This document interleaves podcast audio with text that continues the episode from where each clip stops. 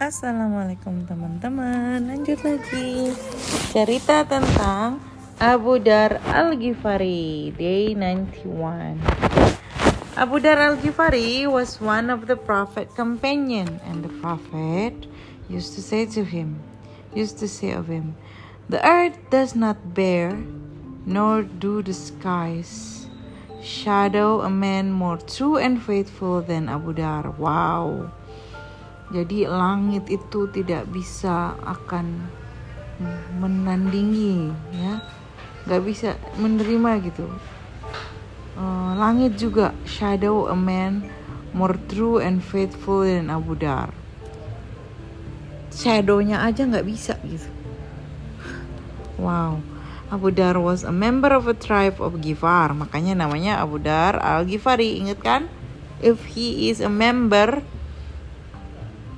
biasanya yang terkenal di dalam satu wilayah dia diambilin namanya ya. Who live in the area of the northwest of Makkah ya.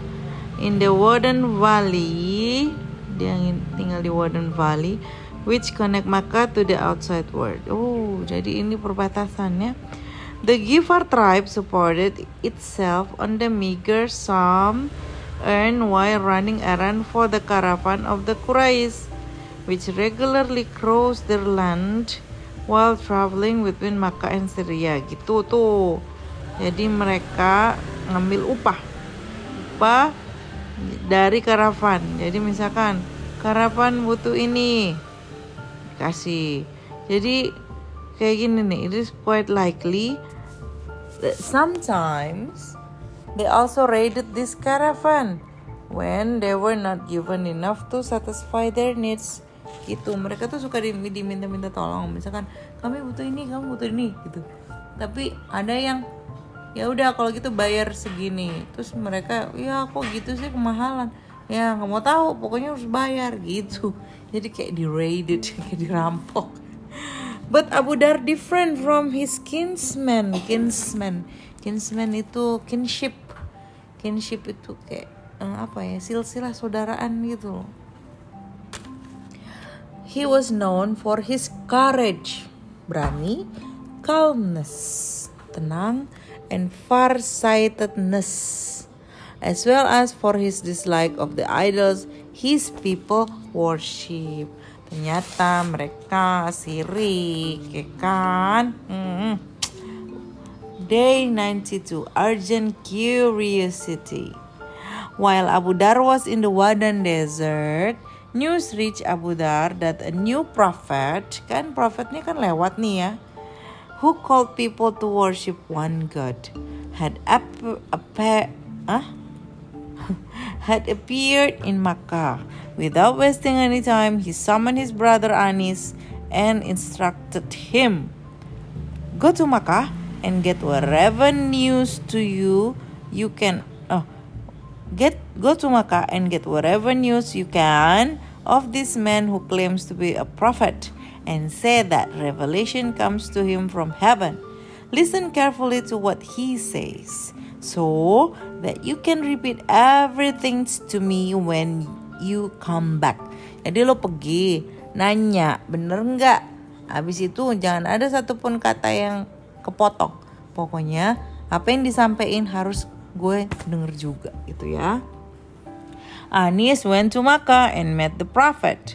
He listened to what he had to say and returned to the Warden Desert. Abu Dar met him anxiously and asked him about the Prophet. I have seen a man, reported Anis, who calls upon people to behave nobly. Tuh. Iya, kalian ngumpul dan harus bersikap noble. And there is more. There is more to it than mere poetry in what he says. Mungkin yang dia pikir nih Al-Quran kali ya. Dia bilang poetry, puisi-puisi. Some say he is a magician. Other that he is the either a soothsayer or a poet. Gara-gara dia punya Al-Quran dan Al-Quran itu bahasanya kan gitu ya. Indah, terus pengulangan-pengulangan ya kan this man with my own eyes and hear what he say with my own ear Will you look after my family while I'll go and have a close look at this prophet mission myself? Dia bilang, Yes, oke, okay, but beware of the makan. Hati-hati ya kalau di Mekah, hati-hati sama orang-orangnya. Orang-orangnya kan rata-rata apa?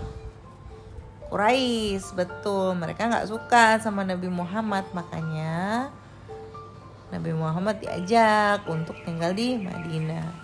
Madinah, Madinah, Madinah tun Nabi. Jadi nyambung ke situ ya. Iya. Oke, kita lanjut lagi nanti ya. Sambung lagi ketika Abu Dar ketemu sama Ali. Oke, see you soon. Bye.